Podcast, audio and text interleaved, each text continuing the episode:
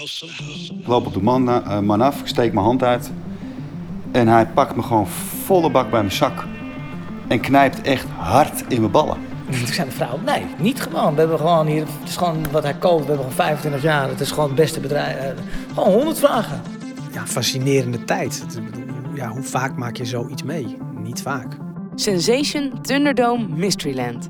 Als iets in Nederland groot is en met dance te maken heeft, kun je er donder op zeggen dat feestorganisator IDT erachter zit.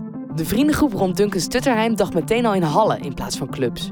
Het is dan ook niet gek dat dit bedrijf op de radar kwam van een monster-investeerder die een wereldwijd dance-netwerk wilde opbouwen. Het is 22 oktober 2013. Dit is Rewind, aflevering 4, over de dag dat IDT verkocht werd aan SFX.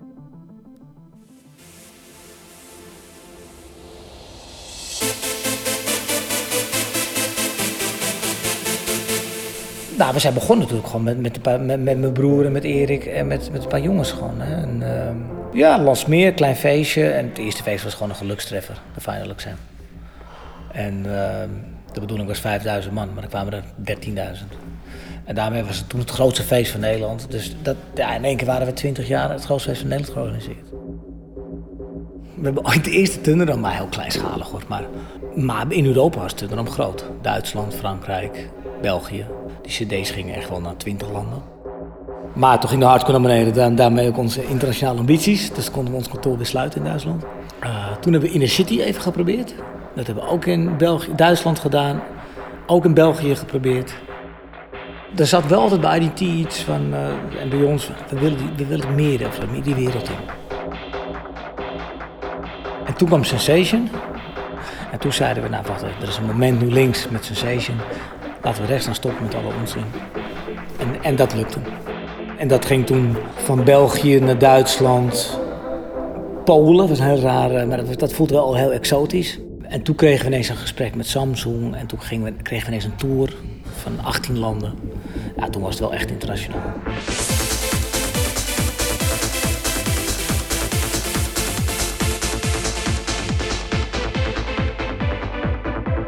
Bas Meijer zit tijdens de overname in de directie van IDT en is onmisbaar tijdens de onderhandelingen. Volgens hem komt de flirt met SFX niet uit de lucht vallen. IDT loopt na jaren groeien tegen zijn eigen grens aan. Uiteindelijk wilden we met Sensation graag naar, de, naar Amerika. toen zijn we een partnership aangegaan in eerste instantie met Live Nation.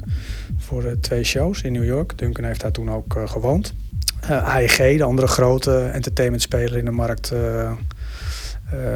roerde zich. Die wilde daarna ook de, de grotere Amerikaanse tour met ons gaan doen.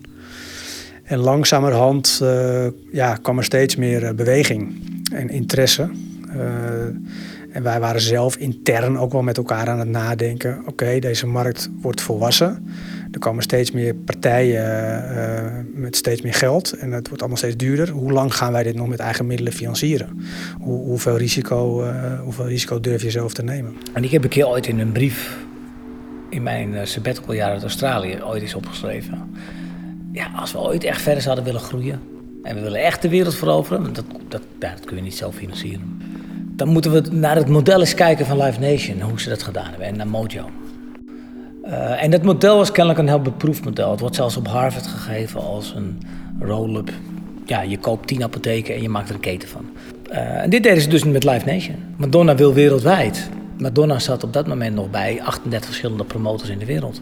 Waarom maken we daar nou niet één bedrijf van? Dan zeggen we tegen Madonna, je krijgt dit en regelen we alles voor je. Inclusief je plaat en de, ja, dat werd dat beroemde 360-model. Dus wij zagen dat ook. En onze muziek ging ook toen wereldwijd. En wij hadden niet eens betaalbarrières. En alle DJ's, nou, vooral de Nederlandse DJ's wereldwijd. Uh, onze feesten gingen wereldwijd. Dus eigenlijk op dat punt waren we helemaal gelijk. Dachten we, nou, dit is een kopie. Dus dit moet werken. Dus wij geloofden daar ook echt in. Duncan heeft mij in 2008, toen hij in Australië zat, eh, een aantal uh, maanden of bijna een jaar met Liska, heeft hij mij een mail gestuurd waarin hij uh, aangaf van ja, als we nou ooit nog eens een keer echt door willen groeien en we gaan op zoek naar financiering of naar hulp, dan vind ik dit wel een inspirerend verhaal. En, en bij zijn mail zat een Wikipedia-file van het SFX-verhaal van Bob Sillerman, hoe hij de pop-rockwereld uh, eigenlijk heeft overgenomen. 52 overnames destijds in allerlei landen. En Duncan heeft toen in die mail uiteengezet hoe wij dat eventueel zouden kunnen doen in onze markt welke partijen dan interessant zouden kunnen zijn en hoe hij dat zag. In een uh, kort maar krachtig mailtje, zoals Duncan dat goed kan. En pas vier jaar later klopte Bob Silleman aan de deur. Daarmee zeg ik ook eigenlijk dat, dat, uh, dat Duncan en Bob elkaar ergens natuurlijk vonden. Dus ik denk dat daar wel een, uh, een klik ontstond. En dat dat wel heeft gemaakt dat we uiteindelijk van die verschillende partijen die er waren, dat gesprek hebben voortgezet. Bob Sillerman, dat is de figuur waar het om draait. Een vleesgeworden icoon in de entertainmentindustrie. Een man met een reputatie. Dat merkt ook Wouter Tavecchio van Q-Dance, een van de partners van ID&T. Duncan kwam in contact met die mensen, die wonen in New York. En uh, die was in contact gekomen met een man die het idee had om de internationale dance scene op te rollen. Nou, dat klinkt al heel wat. Dan word je dus opgerold. En dan ben je onderdeel van een oprol uh, strategie. Nou, dat, dat stond mij natuurlijk. Alleen het idee al dacht ik van hoezo? Niemand rolt ons op, wij rollen op. En uh, ik weet nog dat Duncan terugkwam met het bericht. Ja, we kunnen 40 miljoen krijgen. En, met een heel vet idee van een man die, die wilde de hele industrie oprollen. En Duncan had zelf ook al dat idee wel eens een keertje gehad. En ja, ik dacht, no fucking way dat wij naar de Amerikaanse beurs gaan, man. No fucking way. In Amerika is het gewoon heel normaal dat er, dat er uh, kapitaal gevonden wordt. Zo, of nou, je investeert, nou, een paar mensen uh, hebben geluk gehad in Uber hebben geïnvesteerd. Of in We, het maakt niet uit, of in WeTransfer of nu in... In Amerika is die cultuur heel normaal. Dat je investeert in, in een bedrijf en dan gaat het groeien en dan investeer je meer. En dit was ook typisch zo'n bedrijf. En meneer Schilleman had dat idee. En dat had hij al eerder gedaan met Live Nation en met Mojo. Het is een hele intelligente man. Heel snel op een wat ander uh, niveau denkend dan de meeste mensen. En niet zozeer uh, hoger of lager, maar alsof hij soms in een soort andere frequentie zit. Hij heeft bewezen, en met name natuurlijk vroeger bij de roll-up van de hele pop-rock-wereld, wat nu dan Live Nation is geworden, dat hij een enorme voelspriet heeft voor grotere bewegingen in, in, in, in entertainment. Silliman neemt zelf contact op met ID&T, met aan zijn zijde Shelly Finkel, een oude boxpromotor die op een bepaald moment de manager was van onder andere Mike Tyson. Kortom, iemand die zich niet zomaar van tafel laat vegen. Die woonde ook in Upper East. Die we woonden in, in, alle drie woonden wij in Upper East. Hoe, hoe, gek is dat? Hoe toevallig, weet je wel. Ik woonde kennelijk drie blokken verder dan Sillerman. En Shelly, Shelly woonde weer een paar... Ze konden gewoon op loopafstand naar elkaar toe. Wij hebben ons bedrijf laten waarderen. Nou, daar kwam een waardering uit uh, van rond de 30, 35 miljoen. Dat vonden wij echt te weinig. Nou, we waren een beetje teleurgesteld. Nou, het rapport, mee, we moesten toch wel iets overhandigen op een gegeven moment. En hij had een afspraak met mij gemaakt, uh, nou, vlak bij mijn huis dus. En ik had een afspraak gemaakt met die man die uh, de rapport had gemaakt. En die was veel te laat, half uur te laat. Dat was van mijn belangrijkste afspraak van het jaar zou eraan komen. Meneer Schillerman ontmoeten met mijn boekje. En, en ik weet niet, ter plekke bedacht ik, weet je wat? Ik ga gewoon zonder het boekje en zonder jou. Dus ik ben gewoon alleen gegaan. Ja, dat, dat, was wel raar, want ik, ik, de Amerikanen helemaal ook zo zijn van die oude, eh, die Joodse gasten met allemaal grappen in hun taal, snel lullen. Dan moest ik wel echt aanpoten. Dus ik vond het best wel eng, moet ik eerlijk zeggen. Ik kan wel dapper nu, maar dat vond ik echt, ik was wel zenuwachtig. En... Maar ik was toch wel onder de indruk natuurlijk. Uh, je bent toch wel onder de indruk dan half vaak van iemands reputatie en uh, hoe zo'n man het spel een beetje speelt en zijn dikke huis en zo. Dus ja, maar ik ging wel die meeting aan met een goed gevoel dacht wel van, dit is vet. En, uh, dit, ja, dit, hier, voelt al wat. Het is wel een, ja, ik, maar toen kwamen we er steeds meer achter dat SFX, dat was al half opgetuigd. En hij deed alsof hij, wat hij deed de hele tijd, alsof hij het al, uh, ik ben miljardair en het maakt mij allemaal niet zoveel uit. En we kopen jullie wel even. Maar ja, dat bleek, ja, zonder ons was het niet. Ook Bas Meijer is onder de indruk van de uitstraling van Bob Sillerman. Ja, dat was in een, uh, in een grote vergaderzaal met heel veel glas in een toren in Manhattan. Waar we een uh, eerste bijeenkomst hadden met een aantal mensen uit zijn uh, finance en legal team. En wij waren daar met een aantal mensen. En toen kwam Bob Silleman als laatste aan tafel zitten. En er liep een jonge dame langs uit zijn team. Langs de glaswand aan de andere kant van de zaal. En hij stak zijn middelvinger op naar haar.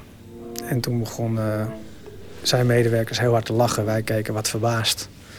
En dat bleek het gebruikelijke teken te zijn van Silleman om je 's ochtends te begroeten als je het kantoor binnenkwam. De middelvinger omhoog. Ja, dat was een soort van uh, gimmick van hem. Uh, het was heel apart. Ja, ik kan me wel voorstellen dat, dat, dat er mensen zijn die, uh, die zich soms wat minder prettig voelen bij zijn manier van doen. En dat was waarschijnlijk ook de reden dat ik het genegeerd heb. Wouter de Vecchio heeft van begin tot eind een slecht gevoel bij de overname. En dat is een probleem. Want Tavecchio is, na Duncan Stutterheim, de grootste aandeelhouder van IDT. Zijn bedrijf Q-Dance speelde op een meestelijke manier in op de instorting van IDT's Gabber-imperium. Eind jaren 90 raakte Gabber besmet door parodieën en hooliganisme en dus stortte IDT zich op nieuwe muziekstromingen zoals trance. Maar er waren nog steeds heel veel mensen die graag hard wilden gaan. Q-Dance greep terug naar de tijd dat hardcore nog leuk was, gaf het een nieuwe naam, hardstyle, en maakte een belangrijke keuze. Praat nooit met de pers. Zo kon het dat een paar jaar later complete stadions gevuld werden met feesten waar je nooit iets over las in de krant. Ik had al, nou ik denk al een jaar lopen roepen vanuit Nederland. En ik was dus ook helemaal niet, niet geweest daar. En Duncan ging steeds op en neer. Ja, mijn partner wil niet verkopen. Achteraf gezien was het wel goed voor het onderhandelingsproces. Uh, maar dan kwam toch die dag dat, uh, dat ik daar naartoe ging. Ik uh, ging daar naar de zoveelste verdieping aan zo'n gebouw in New York. En ik kom daar op een, op een kamer en er zitten nou, ik denk bij elkaar, het waren zes mensen, ik denk dat ze bij elkaar 500 jaar waren. En ik kom daar binnen met Dunken en handjes gegeven. Een beetje koetjes en kalfjes klets. Kijk naar links naar de deur en daar komt Bob Zilleman binnengelopen. Dus nou, ik stap op, en uh, ik loop op de man, uh, man af, ik steek mijn hand uit. En hij pakt me gewoon volle bak bij mijn zak. En knijpt echt hard in mijn ballen. Echt, dat pijn doet ook gewoon. Hè? Dus ik zeg, ah, en ik, nou, hij laat me los en ik ga zitten. En hij gaat achter me staan en hij pakt mijn schouders en hij gaat me zo lopen masseren. So, this is motherfucker called Wouter, finally you're here. Hij had zo'n hele, ja, rauwe stem had ja, het zijn van die momenten, dan zit je opeens in een soort van Italiaanse maffiafilm, alleen aan de verkeerde kant van de tafel, weet je wel. En die man die gaat daar zitten, na een charisma van hier tot Tokio. Enorm uh, inspirerende man ergens, gek als een deur, maar heel inspirerend. En ik was eigenlijk gewoon, uh, ja, met stomheid geslagen zat ik daar. Een uurtje later gaan we naar beneden en ik loop daar uh, met Duncan over, over de straat ik zeg, nou, ik ben echt nog nooit zo geïntimideerd in mijn hele leven. Ik voelde me zo geïntimideerd. Maar eigenlijk is er op dat moment geen weg meer terug. Zoveel advocaten, zoveel aandeelhouders, zoveel documenten. Het is een weg waarop je niet kunt keren. In die anderhalf jaar dat we mee bezig zijn geweest, denk ik dat we, we hebben verschillende momenten gehad dat het wel of niet door zou gaan. Uh, Duncan heeft op een gegeven moment nog een keer de stekker eruit getrokken. Eén moment in de waren zo nasty. Toen heb ik gezegd, weet je wat, we doen het niet. Toen heb ik de stekker eruit getrokken. Ik zat ook op Ibiza. En ik zei, nou, ik ben op vakantie en ik laat me niet zo behandelen door jullie. Dus ik doe het gewoon niet. Nou, toen was iedereen een rapper hoor. Inclusief ook de hele Q-stak. Iedereen, al die mensen, wat doet Duncan nou? Gewoon de manier waarop en uh, over, uh, het was persoonlijk over Sillerman, uh, als ik het wilde kopen. Heel, een beetje gewoon de taal hoe hij was en erin, nou, ik ga me niet zo laten behandelen. Of er zijn partners erin en we doen normaal tegen elkaar. Of je kan de pot op. En toen heb ik de, de stekker uit het deal getrokken. Het zijn uiteindelijk vier mannen die beslissen over de verkoop. Wouter, Duncan, Bas en Wildrik Timmerman van Q-Dance. We zijn weer terug aan tafel gekomen met elkaar. Toen hebben we een Amerikaanse joint venture opgericht. En toen zijn we toch weer gaan dooronderhandelen over het hele bedrijf. En toen gingen we 51% verkopen en toen toch maar 75%. En toen zijn we heel lang gaan onderhandelen over welke zeggenschap wij nog hielden met ons minderheidsbelang. En uiteindelijk, uh, letterlijk, uh, de dag voor ja, wat dan de closing van de deal wordt genoemd en het tekenen van het deal en een paar dagen voor de beursgang kwam naar voren dat de, de, de partij uh, die zeg maar namens de beurs alles controleert en alle stukken doorneemt of alles netjes in orde is, aangaf dat wij uh, met ons minderheidsbelang wat we zouden houden, die 25%, gezien de inhoud van de contracten, die ze dan allemaal doorlezen, toch te veel zeggenschap zouden overhouden. We waren uit onder andere dat we de creative control zouden houden, onder andere. We verkochten een meerderheid, maar qua zeggenschap uh, was het eigenlijk 50-50. Het moment dat we dat ik een telefoontje kreeg vanuit Amerika. En toen ben ik in de auto gestapt, uh, Duncan gebeld. Toen zijn we samen in de auto gestapt naar Landsmeer. Daar waren Wouter en Wildrik. Ehm, uiteindelijk moesten Duncan en Wouter samen de eindbeslissing nemen. Wildrik en ik zaten aan tafel voor de onderhandelingen. En uh, we zaten met z'n vieren achter in de tuin bij, bij Wouter. En dat was het moment. En er werd mij gevraagd, wat, ja, wat is je advies? En toen heb ik eigenlijk gezegd, uh, je moet of 100% verkopen of de deal afblazen. Dat is eigenlijk waar we nu staan. Ja, alles ertussenin is dus kennelijk heel ingewikkeld. Give them to the birds and bees. I want money.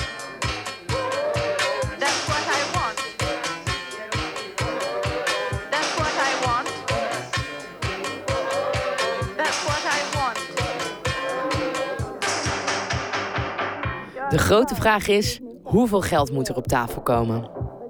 Ik wilde 70, 75 zeggen. Ik vond echt veel geld, weet je wel. Ik vond nog 75 al hartstikke veel. En toen zei mijn vrouw, nee, niet gewoon. We hebben gewoon hier, het is gewoon wat hij koopt. We hebben gewoon 25 jaar. Het is gewoon het beste bedrijf. Uh, gewoon 100 vragen. Ja, dat heb ik gewoon gedaan. Ik zei, nou ja, we denken echt richting 100. Oh, oké, okay, zes jullie. Ja, ik heb zijn gezicht niet kunnen zien, want ik zat natuurlijk aan de telefoon. En hij... Uh, maar ik naar de jongens gebeld. Ik zei, nou, ik heb toch gezegd, jongens, die 100 uh, heb ik eruit geflopt. En uh, op weg naar de 100 hebben we ooit een keer gezegd of zo. Maar dat is blijven hangen bij ons. En wij, hebben, wij maken toch af en toe wel eens grapjes over of zo. Uh, ja, het is geen 100 of wel. Het was, dat 100 werd een soort. Ja, je zou bijna nog een tattoo kunnen zetten ervan. Het was gewoon een soort grap die erboven lag. Omdat mijn broer het ooit zei, omdat het vet klinkt. en daarom. Ja, het had geen enkele geen enkele zakelijke. Dan is het even spannend natuurlijk, of het is een belachelijke. Maar ja, daarna merkten we wel veel snel: oké, uh, nou laten we verder gaan onderhandelen. En toen hebben Duncan en Wouter waren er eigenlijk wel binnen een minuut uit. Wilde ik. Hij heeft toen nog wel aangegeven van, nou, weten we zeker wat we hier aan het doen zijn en waar we instappen. En, en die paar minuten met elkaar, met z'n vier in die, in die kamer bij Wouter achter, dat was voor mij wel het moment. Om het ja, dan realiseer je dat op, op dat soort momenten kan in zo'n deal kan het ook nog een nee worden. Het werd een ja. En de dancefeestorganisatie IDT is overgenomen door het Amerikaanse bedrijf SFX Entertainment. Met de overname is 100 miljoen euro gemoeid. Een half jaar geleden richtten de twee bedrijven al een joint venture op en dat is dus goed bevallen. Ook al hadden we alle contracten getekend, wij wisten nog steeds niet zeker of het geld, of je, of je het dan echt, echt, echt krijgt. Amerikanen, zoveel contracten met zoveel escape clauses. We hadden al zo, in twee jaar onderhandelen hadden we al zo vaak, zijn we bij elkaar weggelopen. Liep het weer anders dan verwacht, ging het weer niet door, ging het weer wel door. Gingen we 50% verkopen, 100% verkopen, 75% verkopen. Konden ze hun geld niet voor elkaar krijgen. Uh, toch weer wel, toch weer niet. Kwamen op kantoor, nou het staat allemaal op losse schroef voor jongens toch contracten tekenen. Toen zeiden van ja, maar ze zijn nu wel getekend, maar ze moeten nog maar dit en dat rondkrijgen. De beursdatum moet nog, la la la. En op een gegeven moment zou het dan gestort worden. Nou, het werd niet gestort. Nog een keer, over twee weken komt het dan weer niet. Volgende week komt het dan en opeens stond het op de rekening. Ik heb het heel sumier klein gevierd. Want wij hadden, dat bedoel ik al, we hadden het al twee of drie keer gevierd. En mijn Ierse moeder zegt altijd: never count your chickens before you hatch them. Dus we hadden het niet echt gevierd, vier, maar wel, we hadden wel champagne al een keer gedronken. We hadden wel al een keer een avondje met elkaar. We gaan, eh, na zo'n handtekeningssessie in Amerika met z'n ook. Ik ben uh, in het vliegtuig gestapt met mijn uh, vrouw en naar Florence gegaan. En uh, ben heerlijk drie dagen door Florence gaan lopen. Lekker uit eten. En op een gegeven moment krijg je dan een appje dat er heel veel geld op je rekening is gestort. En dat is wel leuk, maar dat verandert eigenlijk niets. Er was een handshake moment waarop we dachten, oké, nu is hij rond. Toen ben ik samen met Dunk een auto gaan kopen die ik al heel lang wilde hebben. Maar toen was het geld nog lang niet binnen. Wij zeggen een half jaar voordat het geld gestort werd. Dus een soort van opvlieging. Maar toen het geld dus daadwerkelijk gestort werd en ik al die nullen op mijn bankrekening zag, te eventjes kijken daarnaar. Maar het is best even een teleurstelling gewoon. Het is best even een leeg gevoel. Ik wil helemaal niks kopen of zo. Ik, ik, heb, al, ik heb een auto, ik heb een huis, uh, ik ga vakantie. Ik moet heel erg oppassen hoor, met wat ik hier zeg. Want mensen die dat dus niet hebben, die denken, kijk, hoor hem dan. Jij hebt makkelijk praten, la la la. Dat is ook zo. Dat is ook zo. Maar als dat dan eenmaal zo is, ja, dan gaat het, dan gaat het gewoon weer door. Je gaat gewoon weer door, volgende dag naar je werk. Gewoon weer aan het werk dus. Maar meteen is duidelijk dat het leven niet meer hetzelfde is. Die middag, echt knap. Dat vond ik zo knap. Die middag kreeg ik gewoon, werd er aan de deur aangebeld door de Deutsche Bank. Die kwam gewoon met een hele mooie fles Moet Chandon. Gefeliciteerd meneer. En dan ging ze weer. Nou, dan weet je ook gelijk in welke wereld je bent gestapt. Nou, is dat wat? Die zitten er bovenop hoor, die gasten. Die denken, oh die heeft geld. Die moet even weten dat, uh, dat hij bij ons moet zijn straks. Congratulations. Ja, ben, feest te geven ben je dan. Hè?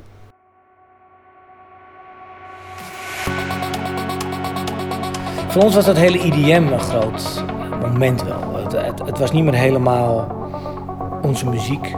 Het was het, en eigenlijk, dat is waar het al. Ik ben nog heel goed voor mij een belangrijk moment was dat ik naar IDC ging. En al die DJ's werden opgehaald met helikopters en allemaal dik en dikke vies. En Wouter en ik en nog een paar stonden daar. We moesten eigenlijk 3,5 uur uh, met de taxi in het file. En ik denk, ja, dat is toch we hebben ergens iets verkeerd gedaan bij. en, toen kreeg ik, toen, en toen kreeg ik iets van, ja, what the fuck, hè? Al die DJ's die, die, die, die, die, die hebben het waanzinnig. Op die EDM-bubbel, zo gezegd. En, en, ik vond die muziek steeds, steeds minder leuk, die EDM.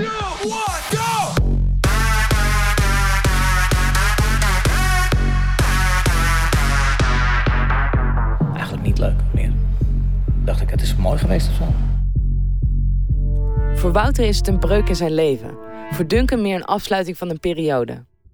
De verkoop is uiteindelijk een stap richting de uitgang. Want hoewel Duncan Stutterheim in eerste instantie een belangrijke functie binnen SFX krijgt, besluit hij na anderhalf jaar al te vertrekken. In maart hadden we de Miami Conference. Nou, dat voelde ook iedereen aan dat het niet zo goed ging. En dat was veel spanning. Lange dagen. En toen kreeg ik ineens werd ik wakker s ochtends met een uh, half gevlamd gezicht. En uh, ik, ik zo. Ik zei, wat is dit nou weer? Ik naar de dokter. Nou, bleek de ziekte van Bel te zijn. Is een virus. Op zich is het een normale ziekte. Maar iemand op kantoor bij ons heeft het gehad. Dus je kan er ook blijven schade. Uh, die jongen heeft er wel iets last van. Stress is de voornaamste factor. En uh, ja, ik had gewoon heel veel stress. Ik zei op een gegeven moment tegen Duncan op AD1 een paar jaar geleden... Uh, Dunk zit erop voor mij. Ik ga niet uh, door een hoepel springen voor die gasten. Dit, is, is niet waar, waar ik voor gekozen heb. Ik wil het niet. En ik geloof een week later stuurde hij een mail door het bedrijf. Ik moest stoppen mee.